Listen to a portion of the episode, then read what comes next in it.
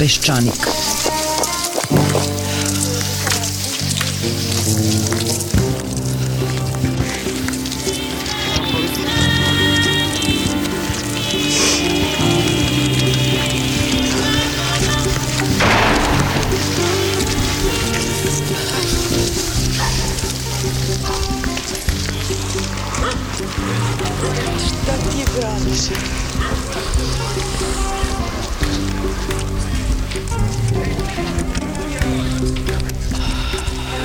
Peščanik.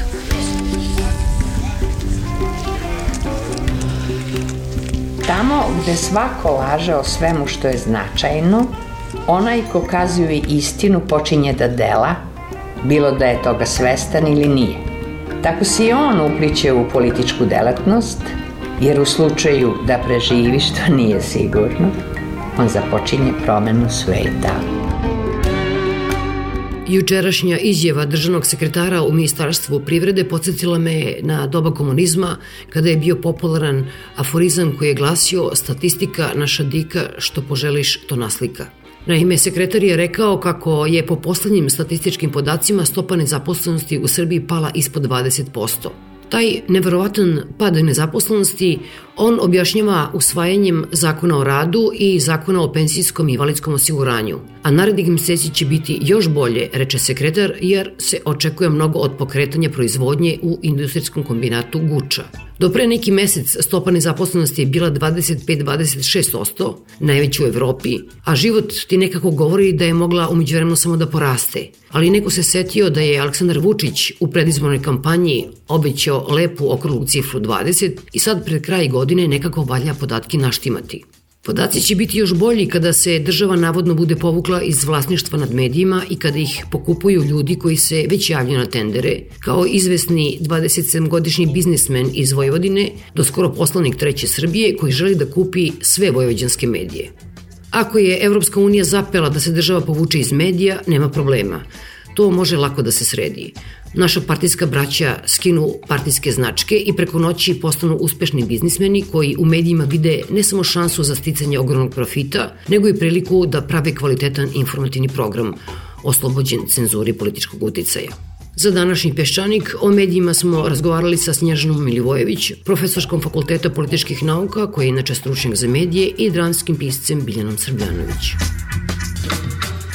Čak i ljudi koji nisu skloni teškim rečima, u što ne spadamo niti ni ja baš, Biljana, a Snježana svakako spada, govore o stanju u medijima u Srbiji, ocenju ga kao katastrofalno. Mediji se koriste opet da bi se drugi mediji de dezavuisali, da bi se drugi politički protivnici dezavuisali, ali ima još jedan problem, čini mi se, koji bi volao da porazgovaramo večeras takođe, a to je da ono što mi vidimo u televizijskom dnevniku ili u radio emisijama, pa i u novinama, nema veze sa stvarnim životom. Ja? Živiš jedan život dok ne pogledaš medije, onda tamo postoji neka druga stvarnost. Snježana, pošto je bio jedan pokušaj pre dve, tri nedelje da se obavi jedan razgovor ozbiljan u Skupštini, ti si se tamo naljutila i izašla. Nisam se baš naljutila, nego sam mislila da nema svrhe da u tome učestvujem, pa to sam tamo i rekla. To je na svaki način trivializovano sastavljanjem nekih lista naših i vaših gostiju. Onda je ta većina u stvari htela da pokaže tu besomučnu aroganciju da predsjednica odbora parlamentarnog koja iz druge partije nema pravo da to zakazuje. I tako, vi vidite, su to sve poligoni za neke bitke koje i dalje urušavaju ta, taj javni govor u zemlji i doprinose tom survavanju medija. A onda kad je razgovor malo počeo, tu su naravno glavnu reč vodili ljudi iz tabloidnih medija, kako i, i red, i odmah postavili ton Tako da se ispod toga nije moglo ni vulgarnije, ni bezobraznije. A pritom je to bilo mesto gde sam ja naivno mislila bi mi možda mogli da razgovaramo o medijskoj politici, a ne baš samo o medijima, jer ja to imam i dalje iluzije da kad jednom budemo otvorili to, te vrste javnih debata o tome što strukturno onemogućava te naše medije, šta ih saplići i drži u blatu, onda ćemo možda i moći da pokušamo da nešto od toga rešimo. Kao da je javnost potpuno odustala od medije kao jednog važnog elementa uspostavljanja demokratije, institucije u jednoj zemlji. Jo, ja se nadam da nije. Da, mada su, da, u, u, u Skupštini su bili, je bilo puno ljudi koji rade u medijima i ako bi oni pokazali tu vrstu odustajanja, to bi ovaj, stvarno bio loš znak.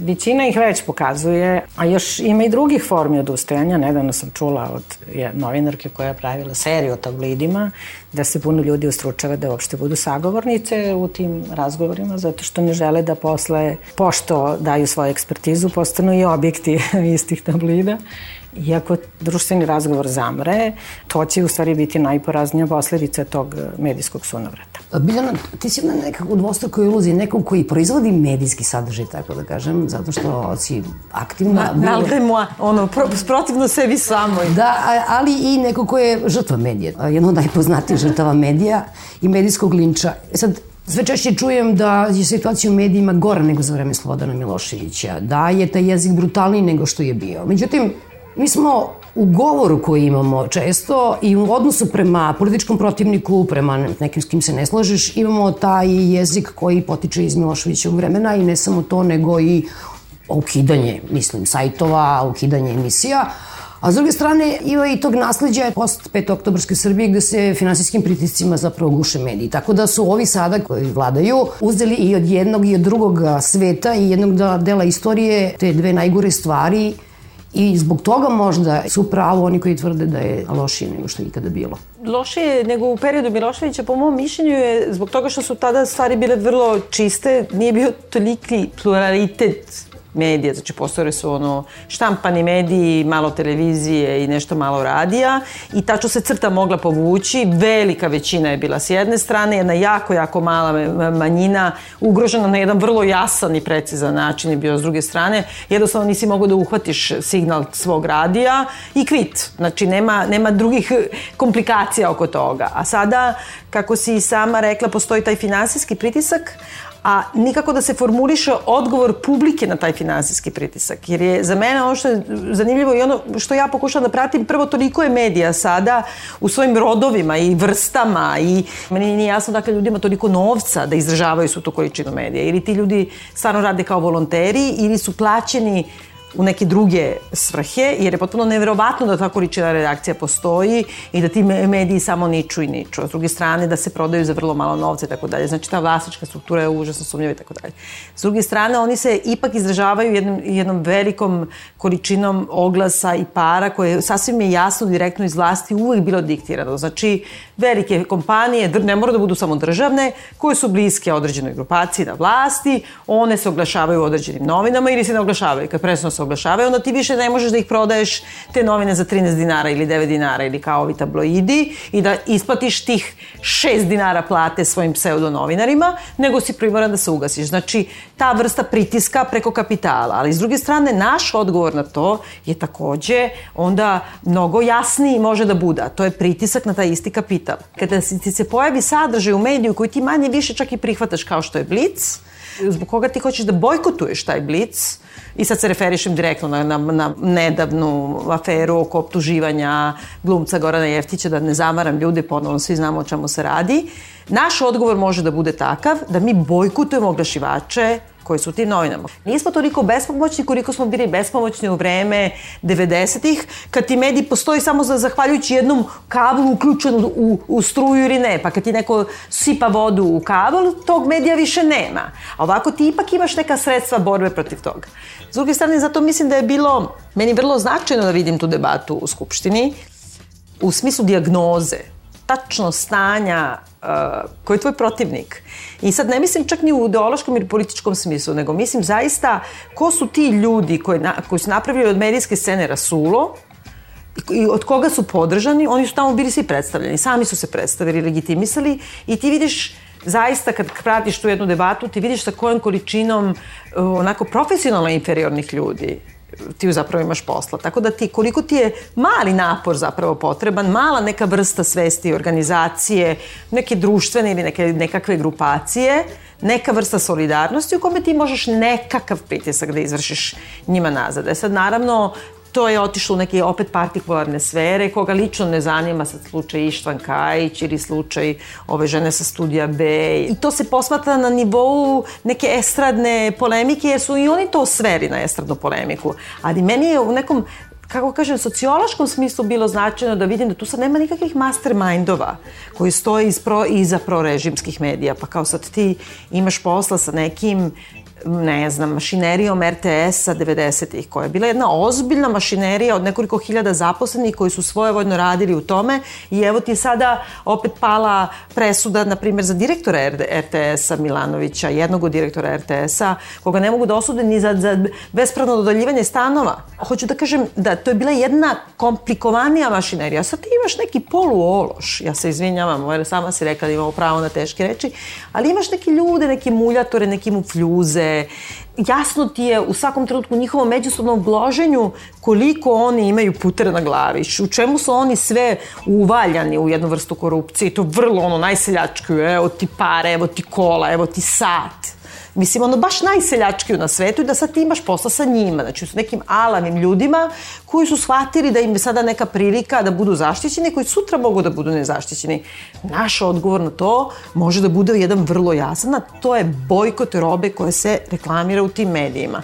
E, nešto mi je dalo nade da, da postoji neka malena svest e, kod mlađih ljudi oko toga, sada kada su se okupili oko ovoga bioskopa Zvezda bez obzira što sama ta okupacija bioskopa Zvezda i tekako podržana od vlasti i to je jedan manevar vlasti koji je potpuno jasan onog trenutka kad su tu počeli da se pojavljaju ovi veliki producentski moguli i tako dalje. Ali sama činjenica da postoje neki klinci koji kapiraju da nije sve u potrošnji i da nemaju ni novca da troše, i da ono što je, na primjer, za mene negativno, a opet pokazuje da tu postoji neka snaga, eh, je, ne znam, eh, štrajk na fakultetu filozofskom, gde studenti mogu da izdrže u nekom štrajku samo kada se tiče njihovih poena koje treba plaćaju. Znači, nemaju pare, nemaju novca. Mene je nervirao taj štrajk zbog toga što se nijednog trenutka nisu pobunili protiv lažnih doktorata, protiv kurikuluma, protiv profesora i tako dalje, ali su se pobunili oko plaćanja bodova. Znači, to je jedno pitanje za sebe, ali s druge strane su isterali u toj bojkotu do kraja, dobili su to što su hteli, znači da novac je ovde u suštini, odnosno nemanje novca, jedino sredstvo kojima još uvek može da se izvrši neka vrsta pritiska i mislim da je to jedini put uh, bojkota medija. Sad će mi kaže koliko sam naivna. Kaži ne, ne, ne, mislim, ja, ja sam, mislim da postoji velika odgovornost svih nas kad su mediji u pitanju i da to jeste jedna dobra strategija, ali je individualna. E, mislim da je taj, stvarno je došlo do novca ogoljeno, zato što su se neke stvari stekle, činjenica da je ovaj, mi ovdje čak i na ovoj periferiji osjećamo krizu konačno, ne osjećamo je mi već nekoliko godina, ali e, su velike korporacije koje su inače ovde oglašavale ili ovde investirale ili čak i velike medijske kuće povukle to tamo da krpe svoje rupe i onda je ovaj deo sveta ostao bez velikog dela novca za oglašavanje. Evo sad se država povlači, najavila je konačno da se država povlači iz vlasništva, a u stvari ja mislim da je to efemerno što se država povlači iz vlasništva, ona se povlači iz finansiranja. Naši mediji nikad nisu ni živeli od nas. 20 poslednjih godina se ovde broj čitalaca štampe ne menja, samo se preraspodeljuje oko tabloida ovih ili onih, Recimo jedna od posledica toga je što u svim takvim društvima je publika mnogo više okrenuta elektronskim medijima. I vi sad vidite ključ koji se ovde 90. desio recimo sa tom dominacijom RTS-a i tih velikih koje smo pomenjali. E, ali sad stvari u tome što je tih 90-ih ovde je postoje veliki donatorski novac.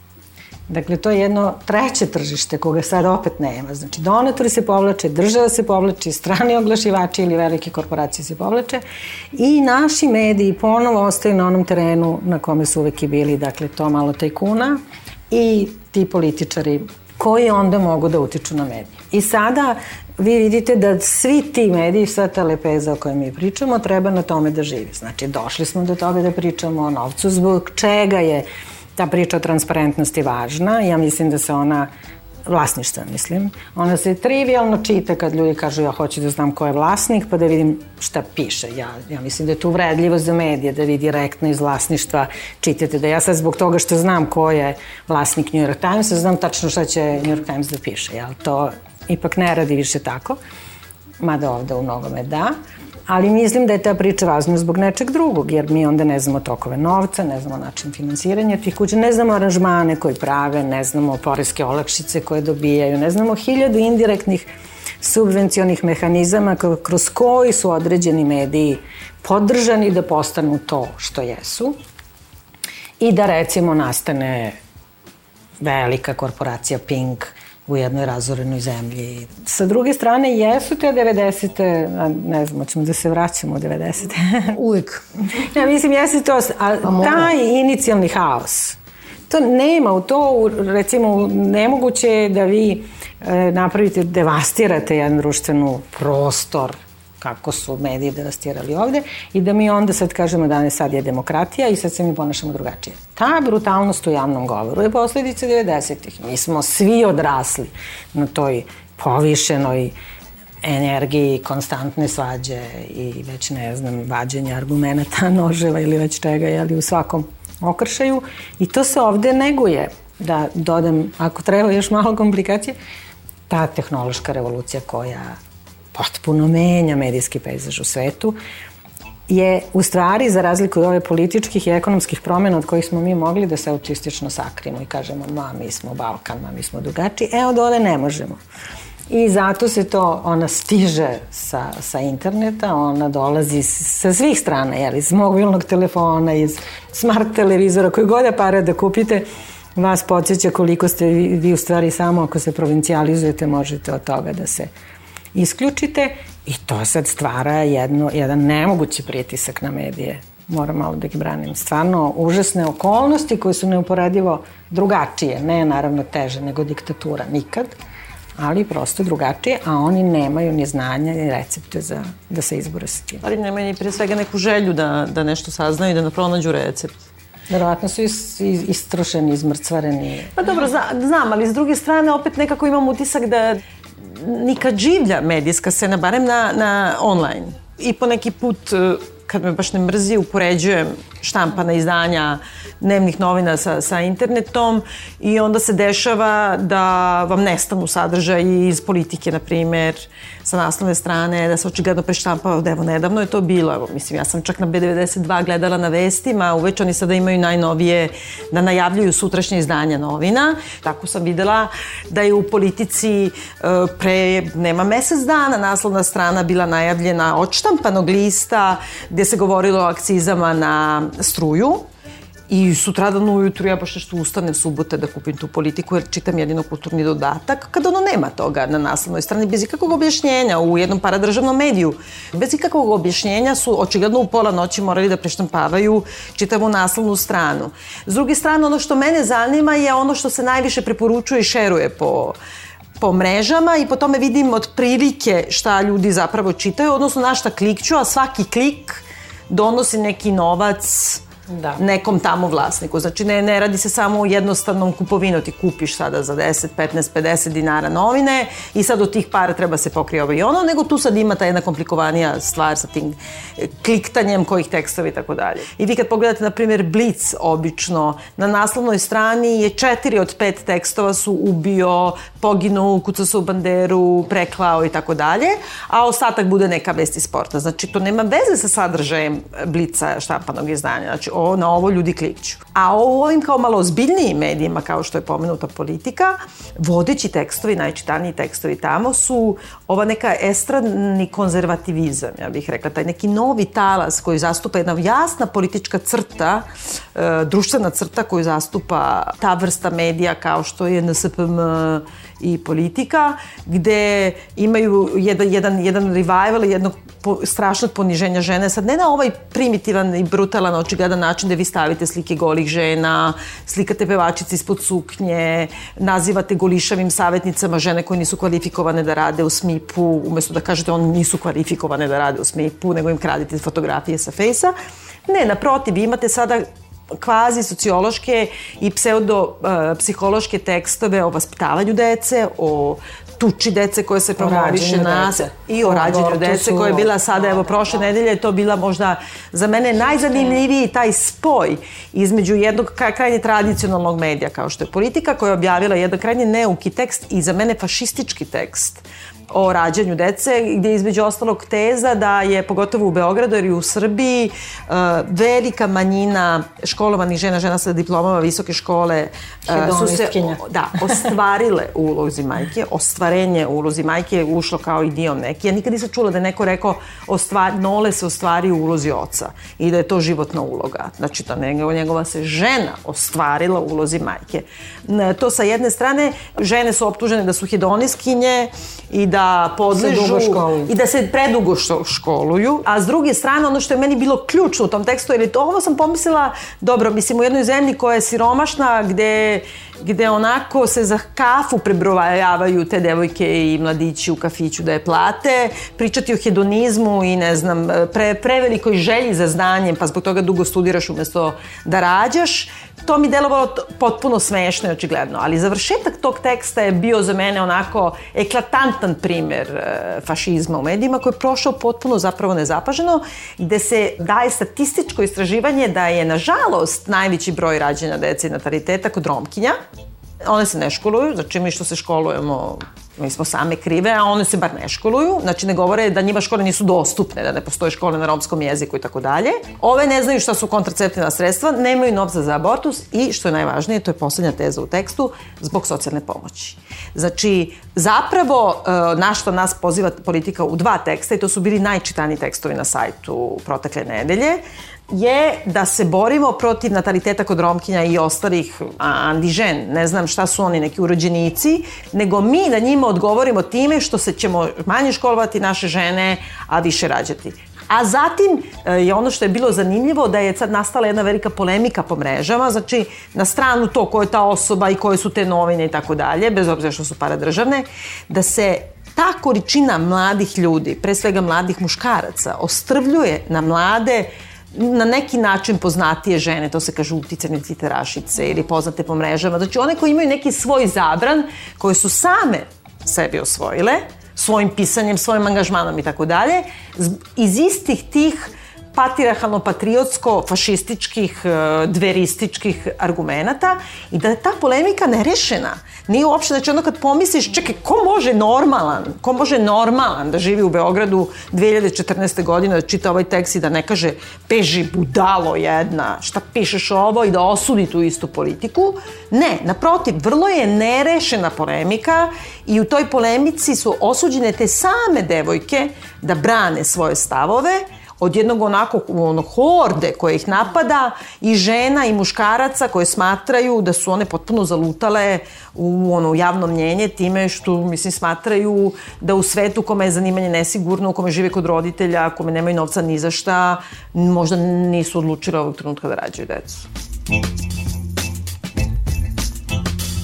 Mizoginija, niko nije pošteđen, ni jedna od nas nije pošteđena od toga. Neću da pričam da jedna ona samo jednom kad smo slučajno imali predsednicu Republike, što ovde samo slučajno može da se desi, naravno. Prvo su je gledali pod suknju, ako se sećate Nataše Mićić i one su se njene noge selile. Po tome je, njen mandat je otvoren time što je tada Vojislav Kučenica rekao ne mogu da zamislim neko može ozbiljno da govori o ženi. Ne mogu da je zamislim u Vrhovnom savetu odbrane i tako razne stvari.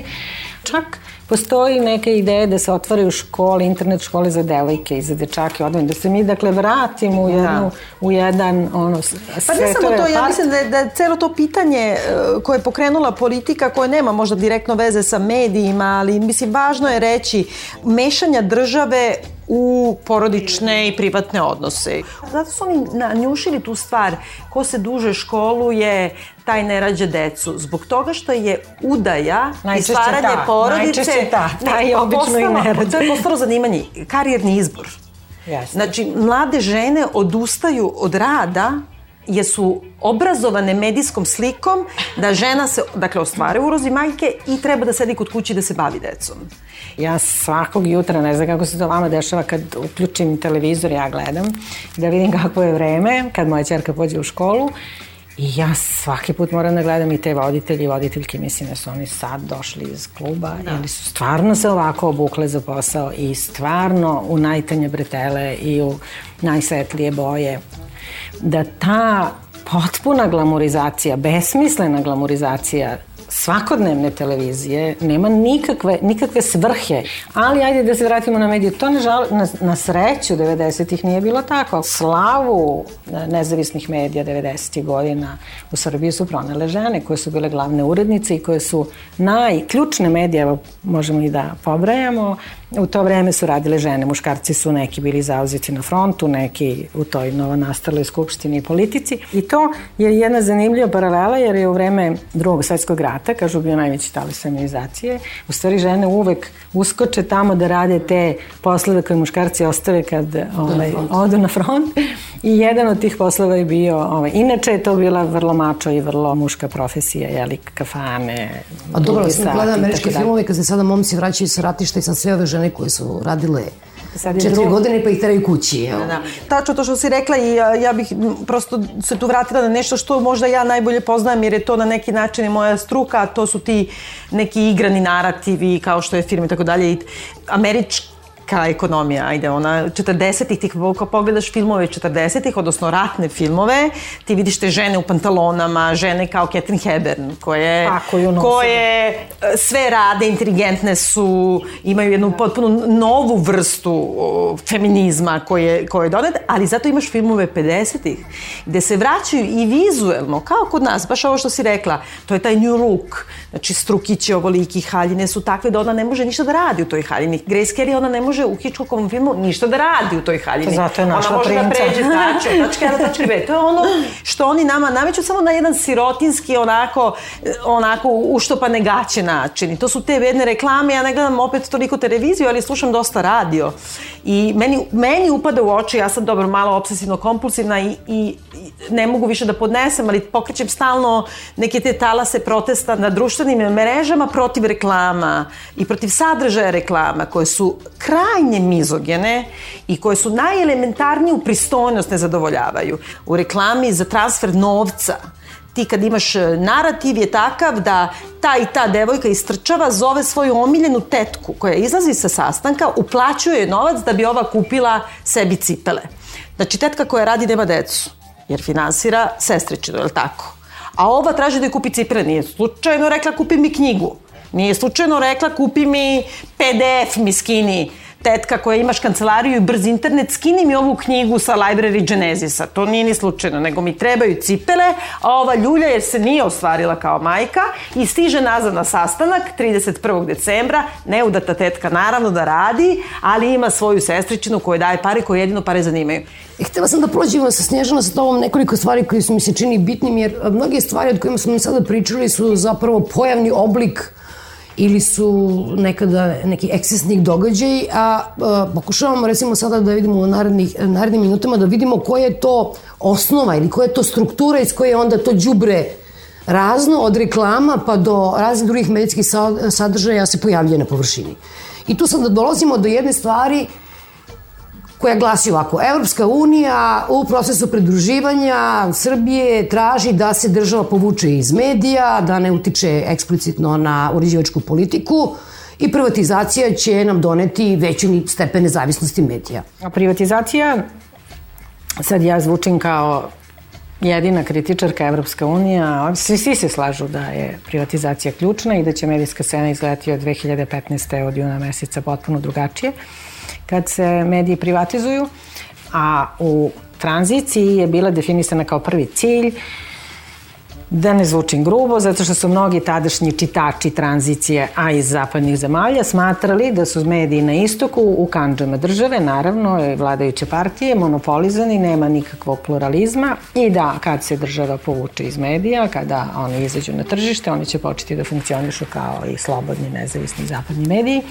i pokidaće se politička veza, dakle, mogućnost kontrole, a, i privući će se sveži kapital. Međutim, to je bilo tako, prvo je to već bilo i tada pojednostavljeno mišljenje 89. kad je pao Berlinski zid, ali danas to stvarno nije tako, zato što se u Srbiji umeđu vremenu, ipak je prošlo 25 godina, pojavilo mnogo komercijalnih medija, Dakle, država nije ni isključivi ni monopolski vlasnik. Evo, ja sam sad proverila, navodno ali ni to nije izvesno, ali ajde, ima 1320 registrovanih medija u APR-u, a od toga ima 80 tih medija koji će da idu u prodaju. Dakle, nije baš da će to tako temeljno da, re, da redefiniše scenu ako je od 1320 medija 80 državnih. Znači, ne samo povlačenje iz svojine, ali kad se država povuče iz svojine, ona će prestati da finansira te medije. Mi govorimo o lokalnim medijima koji su samo tako preživljavali, a taj novac koji će ostati od države će sad u nekom drugom procentu kao e, državnu pomoć, ona projektno kao formu državne pomoći deliti tim lokalnim medijima. Razlika je prvo u tome što više ne postoje mediji koji će sve drugo, koji će biti relativno stabilni i obezbeđeni, pa da mogu da pravi informativni program kao recimo Radio Televizija Kragujevac, nego će sad svi lokalni mediji koji navodno zarađuju drugačije, samo ono parče programa koji je u javnom interesu, za to će dobijati novac od države. Znači, mi ćemo kao društvo brigu o javnom interesu staviti u privatne ruke. Ne možda velikih korporacija, ali nekih privatnih vlasnika koji će možda jedne godine da kaže ovako, ove godine ću da pravim program od javnog interesa i konkurisat ću kod države za to, pošto svojim novcem to ne mogu, a iduće godine neću, nego ću da gledam film, da kupim neki film ili sportski neki, neku frančizu, ali nešto ću komercijalnije da radim. Podsjećam vas da je na uh, uh, čitav sistem medijske pomoći, državne pomoći medijima napravljen kao korektiv zato što komercijalni mediji ne funkcionišu dobro u zapadnim zemljama. Dakle, nismo ga mi nasledili iz komunizma pa sad deli država. Nego tamo gde postoje komercijalni mediji prevladalo je verenje jedan to naš kolega kaže um, tržište nikad ne proizvodi dovoljno uh, informacije koliko demokratiji treba. I to je tačno. I onda se tamo programi od javnog interesa, informativni programi, istraživačko novinarstvo i tako dalje, finansiraju javnim novcem, koji se onda deli po strogo transparentnim pravilima. Znači ovde vidim hiljadu nekih, ali da ne budem baš zloslotnica u početku, prvo to što će se, dakle, svi programi od javnog interesa, u stvari će se stvoriti uverenje da su mediji komercijalne institucije koje svojim vlasnicima zarađuju i donose novac, a kad hoće da rade nešto u javnom interesu, za to će država posebno da ih plati, da oni budu dobri i da naprave nama malo vesti. I to će se odnositi čak i na lokalne medije. Druga stvar, ta mala količina novca koju država ima kao financijer će se sada ra raširiti na veliki broj medija, jer će oni svi konkurisati za taj novac. I treća stvar je, mi smo kao država poznate po tome da ima transparentne i objektivne procedure. Svaka opština u Srbiji će imati komisiju od 3 do 5 članova koji čine istaknuti medijski stručnjaci koji će na javnim konkursima deliti taj novac.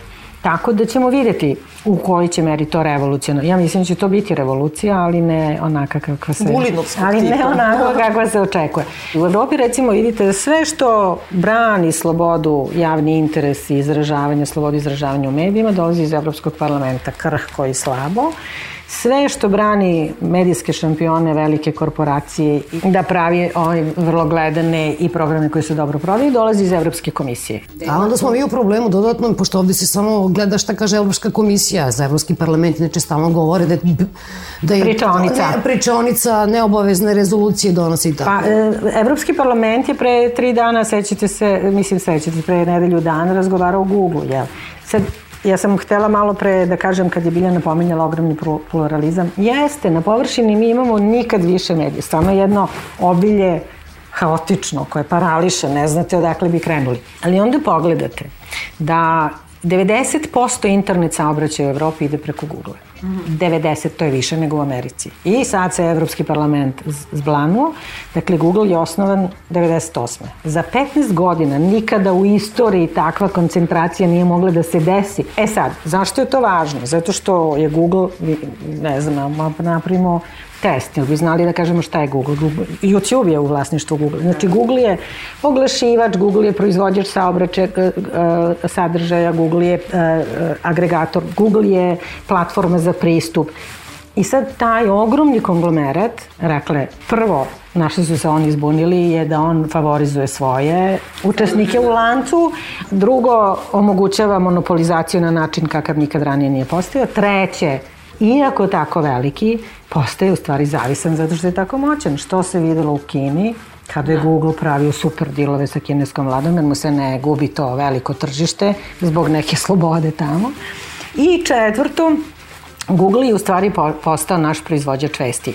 Većina vesti koja do nas dođe, Google News je agregator, on je selektor vesti koje radi na osnovu onih klikova koje si malo prepominjala I mi smo došli u situaciju da smo se čitavog života brinuli ko je urednik, ko je taj cenzor, ko je čuvar kapija, ali sad kao to radi algoritam, to nam je super. Da se vratimo na jednu temu koja mi se čini jako bitna i o njoj si ti ponekad govorila. To je da mi imamo trgovinu informacijama. U mainstream medijima imamo uh, odmah e, izveštaje policijske iz tužilaštva da dolaze do nas jako mnogo toga, a ne bi smelo jednostavno. Ne samo da ne bi smelo, nego je to protivno zakoni, zakonu pre svega i protivno je ne samo da govorimo o etici medija sad i ako vi imate slučaj taj i taj u kome, ne znam, je uhapšen e, čovek pod sumnjom da je pe, pedofil i da je e, seksualno zlostavljao sobstveno dete, da je saslušan kod tog i tog sudije, da je tu bio znači zapisničar i sudija i da je neki tamo na pisarnici to zaveo, tu je pet ljudi u tom krugu. Neko je prodao tu informaciju sa imenom i prezimenom. Mislim, ovo su mnogo ozbiljne stvari u toliko što to uništavaju živote tim ljudima i mi to posle zaboravimo, nema veze. Sa zamislite, evo ja sam se baš uhvatila za taj slučaj uh, tog čoveka koji je nedavno bio ono masakriran medijski baš zbog toga nekog slučaja i ispostavilo se lažog zlostavljanja, seksualnog zlostavljanja dete, sobstvenog deteta od 34 godine. Sa zamislite tog čoveka u tom nekoj maloj sredini u kojoj živi, vi se bavite uništavanjem ljudskih života zarad tri klika više. S druge strane, ono što je meni još ozbiljnije je što zvaničnici izlaze i trguju u stvari, podižu sobstvenu poznatost, utice u društvu time što daju informacije na koje nemaju pravo.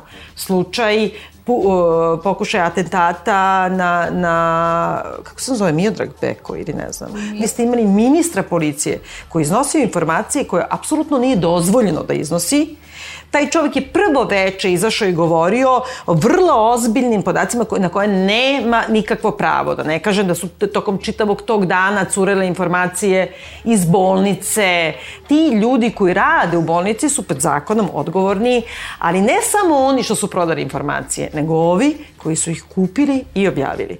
I vi sad imate sud i policiju koje su tu i plaćeni su od tog istog građanina da štite njegova prava i da ga zaštite na svaki mogući način koji za neuma sitan novac, postoji tržište na kojima oni prodaju, postoji bonusi koji ti novinari koji donose te informacije i imaju kupoprodajni ugovor sa nižim službenicima sudova, donose informacije, nagrađivani su svojim redakcijama za te informacije i onda ih štampaju potpuno bez ikakve kazne. Sve košta 20 evra daš nekome na pisarnici i uništiš mu život ti dobiješ bonus od 10.000 dinara, sve zajedno u opticaju je 200 evra maksimalno i toliko košta ljudski život ovde. I de facto to što ti njega nisi likvidirao fizički ti ne znači da njega nisi likvidirao na svaki mogući način I mi u stvari ni ne znamo koje su sudbine tih ljudi koji su čerečeni po medijima na ovaj ili onaj način, kako su oni, po kojim, kako su oni završili svoje živote i kako oni dalje žive. Stvarno mislim da je to tačno, takođe. Sa jedne strane država se jako štiti i odmah te stavi gde treba ako si Assange ili ako si Snowden, jeli? A, ali će s druge strane cure informacije iz raznih državnih službi odnosno ono što kažu javni vlasnici privatnih tajni su vrlo spremni da ih stave u promet i to u jednoj ovako zapuštenoj sredini naravno izgleda tako strašno. Mislim da je druga strana toga ili da je prvi izvor toga u stvari bila politička anatemizacija i međusobno politički obračuni i da je ta vrsta manira potekla iz činjenice da su neke sukobljene društvene grupe, akteri, partije, političari, ne znam ko god hoćete, biznismeni, bili u situaciji da pre svega informacije koje su u posledu nekakvih tajnih službi ili nekih državnih službi koje bi trebalo da nas štite, počele da tim informacijama trguju, ne možda toliko zbog novca, koliko zbog političkog mhm. -huh. uticaja. I da je to u stvari instrumentalizovalo tabloide u prvom talasu ovde i da su oni u onom backgroundu ratnom i onda kada su nastali u stvari bili jedan prostor gde je to bilo uništavanje ljudi jednom informacijom koja je mogla da dođe samo iz tih izvora i koja ima eksplicitno tu političku funkciju da nekog diskredituje, nego da je to isti deo tog priča. Treći, možda ne tako vidljivi aspekt tog tržišta informacija je činjenica da u stvari prava informacija postala redkost. Da u tom obilju tog haosa, polu informacija, polu laži, niste u stvari došli u situaciju da ovo što si malo pre rekla, da o najvažnijim stvarima ili od stvarima koje su od značaja za građanke i građane, vi ne možete do njih da dođete. Poslednje pitanje je samo na tragu ovoga što ste e, govorili vas kad se vraćamo na tu, ajde, možda sam nesrećno tu sintagmu upotrebila trgovinu informacije, mislila sam pre svega naravno na dezavisnje političkih protivnika. Ja čak mislim da je još i opasnije od toga, zbog toga što mi jedino vrstu napada koju vidimo, neku vrstu ugroženosti vlasti, dolazi iz desna. I stalno im dolazi iz desna. I onoj prošloj vlasti je došla iz desna i onda imaš neko ono schadenfreude kod, kod čak i građanske javnosti, kao užasno se raduju povratku Šešelja, zato što on vadi mast, pa ne znam pravi. Evo danas je bio izvešten na B92 o performansu Šešelja i diplomama, gađa Tomu Nikolića, jer on ima pravu doktorsku diplomu, ovaj nema i tako dalje. Mi kad smo govorili o tim doktorskim diplomama Tomislava Nikolića, građanska opcija u Srbiji da, odlučila da... Doktorsku. Pa ima master, dobro, izvini. Ima master. Imao je master, masterizovao yeah. se pa pred, pred izbore prošle. Ja se odlično sećam da kad je, kad je srpsko, srpsko građanstvo odlučilo s desna da napadne uh, Borisa Tadića i da glasa za Tomislava Nikolića, ne bi li kaznilo Tadića. Ja sam tad govorila o tom uh, dobijenom masteru neposredno pred, pred te izbore i ljudi su mi se podsmevali, govorili pa to je tako mala stvar, pa kakve to veze ima. To je bila stvar koja je odmutala sve ovo što se dešava u, u obrazovanju stanju kod nas. Mislim, sve. Znači, sledeće tri godine samo krenulo nizbrdo. Za mene svaki napad s desna na bilo koga koji je na vlasti je eh, onako strašno opasan i poražavajući. Mislim da se to sada dešava i da to zauzima jedan ozbiljan prostor u medijima jer je to deo takođe jednog arsenala, jednog cirkuzanta koji je tu došao, koji na izdisaju i koji će sada da puca iz svih oružja, onih svojih poznatih, dugo ga nije bilo tu. Kad je dolazio Šešelj onog dana kad je došao, mislim, ta, ta poplava uh, šala i pošalica na mrežama, čak i od ljudi koji imaju neko ozbiljno kritičko mišljenje u kome su zamišljali sad te narative u kojima kao Toma Nikolić umire od straha jer mu dolazi šešelj. Sve je to slatko, simpatično i tačno, ali s druge strane je stravično opasno i pokazatelj još jedne gore opasnosti u kojoj mi klizimo, a mislim da je sledeći naš korak još gora desnica. Moguće je da, da sad je sve su spekulacije naravno, da a, činjenica da su se nosioci aktualne vlasti, ne znam kako da nazovem, vladajući blok, pomerili se te desnice ili ako su bili negde otišli, imaju pretenziju da budu u centru, onda mora da se prosto fabrikuje neka desnica da bi postojala neka alternativa. Znaš da je jedno vreme ovde išla priča kako jedna desnica je velika rupa, pa sad tu treba nešto, pa Sanda Rašković i da Ivić. De, desnica. Sve što je centar u Srbiji uvek bila desnica. Apsolutno, ali... Svaki centar je u Srbiji uvek bila desnica. Ajde da govorimo ovako, da je postojao jedan pokušaj da se od nekih poluparlamentarnih ili mogućih u naznaci parlamentarnih snaga konstituiše neka pristojna desnica da bi se paralizala ona Oksimoron. Ona, da, koja može da se razli na ulici i da pravi svašta i da neki ljudi misle da takva desnica može da se kultiviše politički radije nego da ostane ekstremna razbijačka ili već ne znam kakva, a navodno da se to pokazalo kao prostor kada su se ovi pomerili u centar, ali sad ja isto ne bih mogla da lociram koji, pošto bi to značilo da je Vulin ostao na levici i tako. Ma ne, Ta, mislim, govorimo o tome da je sve vrlo haotično, ali i tu se vidi koliko rupu u tom značaju za demokratiju čine mediji, jer vi o tome nemate gde da razgovarate. Dakle, konvencionalni mediji su prostor za raznomišljenike. Fantastični su novi mediji, ali vi na novim medijima pravite društva svojih prijatelja, vi na novim medijima birate koga ćete da pustite u svoj prostor, vi na novim medijima možete provediti čitav život ne izlazeći iz svog geta intelektualnog, estetskog Dobro, i ovako, zašto čitaš da je danas? Kad bi konvencionalni mediji obavljali svoju demokratsku ulogu i tamo gde je obavljaju, ljudi čitaju medije u kojima imaju nekakav raspon mišljenja ili gledaju televiziju u kome kad imate pet gosti u studiju, to znači da imate pet vrlo različitih mišljenja i argumenata koji se tu negde ukrštaju, a ne pet ljudi koje ste doveli zato što Svi misle kao ja. Mene samo da. ljudi zanimaju. Da. da. Ne, ali to je e, uobičajeno u Južnoj Evropi, u mediteranskom delu i mediji imaju i tu funkciju, jeli, ne samo isto mišljeništva, nego prosto jedna vrsta identifikacije. Vi, mi i idemo da kupimo novine zato što znamo otprilike koju ćemo vrstu ili slušamo emisije, nećemo da se uvek baš svađamo s televizorom i da se nerviramo, nego nekad hoćemo da učestvujemo u artikulisanju argumenta koji je nama blizak. Tako se prave i zajednice identiteta, tako se prave i zajednice I tako ne poludiš. Tako prosto ne poludiš. Održiš se koliko toliko da, da, da, koliko da. toliko se održiš. Iluziju samo sebi da si ostao normalan.